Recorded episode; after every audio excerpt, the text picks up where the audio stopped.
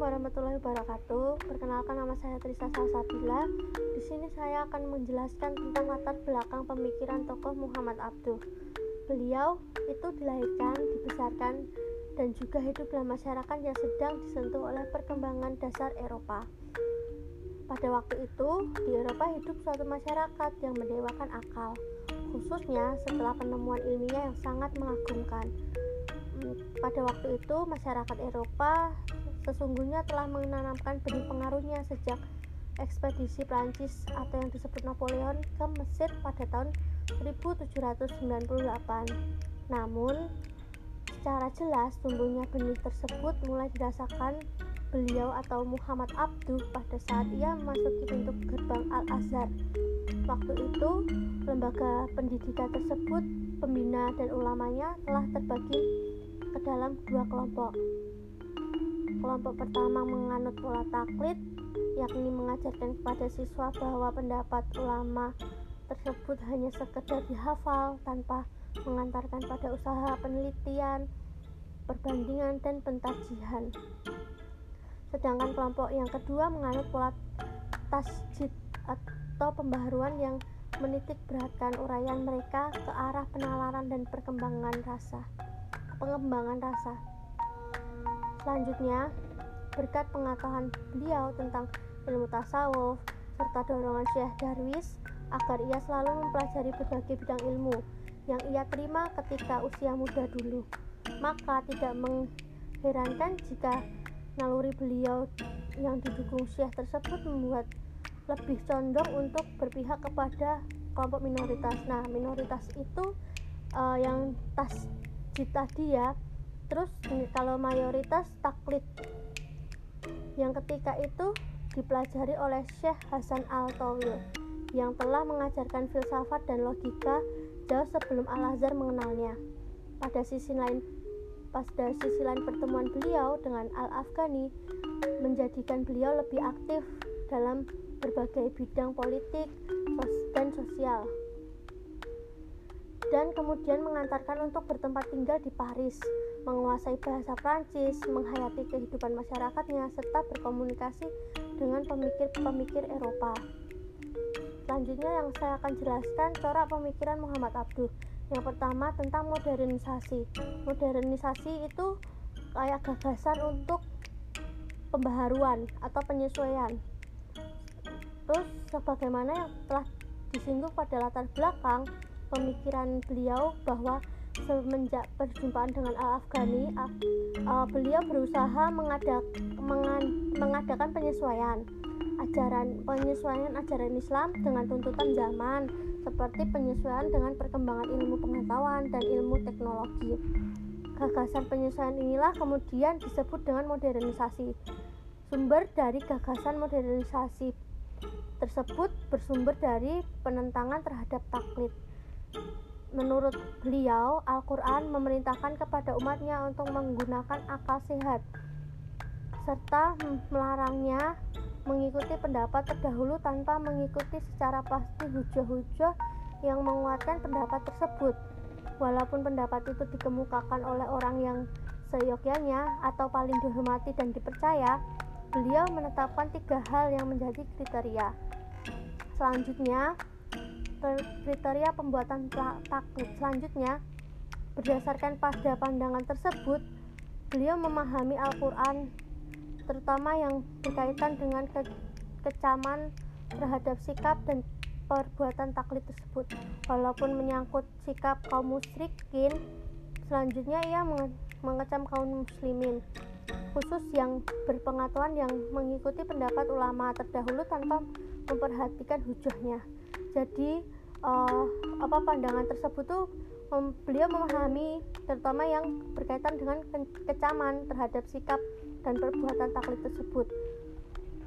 Berkaitan dengan modernisasi tersebut Rohman memberikan pertanyaan bahwa seorang modern modernis modernis biasanya memiliki beberapa ciri di antaranya selalu berusaha memahami segala situasi dengan penuh keyakinan serta keberanian dan gerakannya bersifat kerakyatan serta senantiasa melibatkan pemikiran pribadi, Kemudian kaum kaum modern, modernis yang telah menjadikan reformis sebagai tolak ukur adalah mereka yang berusaha menciptakan ikatan positif antara pemikir Al-Qur'ani dengan pemikiran modern. Modern ber, berpadu antara kedua pemikir ini telah melahirkan beberapa lembaga sosial dan moral dan moral modern dengan berorientasi pada Al-Quran. Selanjutnya, beliau menyikapi perbedaan peradaban barat modern dengan selektif dan kritis. Beliau menggunakan prinsip istihad sebagai metode utama untuk meretas kebe kebekuan pemikir kaum muslimin. Uh, tidak pernah berpikir apalagi berusaha untuk mengambil alih secara utuh yang datang dari dunia barat karena ia beranggapan apabila apabila itu dilakukan berarti mengubah taklid yang lama dengan taklid yang baru juga karena hal tersebut tidak berguna disebabkan adanya perbedaan pemikiran dan struktur sosial masyarakat masing-masing. Nah, Islam menurut beliau harus mampu meluruskan kepincangan-kepincangan perbedaan barat serta membersihkan dari segi negatif yang menyertainya. Dengan demikian, perbedaan tersebut pada akhirnya akan menjadi pendukung terkuat ajaran Islam. Sesaat setelah ia mengenalnya dan dikenal oleh pemeluk-pemeluk Islam. Yang kedua, reformis. Reformis uh, atau corak pembaharuannya bersifat reformistik atau rekonstruktif ini karena beliau senantiasa memiliki tradisi dengan perspektif pembangunan kembali. Jadi uh, reformis itu seperti pembangunan kembali agar uh, suatu tradisi masyarakat dapat survive pada zaman sekarang atau zaman ini dan selanjutnya bisa diterima di masyarakat. Pembangunan kembali ini tentunya dengan kerangka modern dan persyaratan rasional.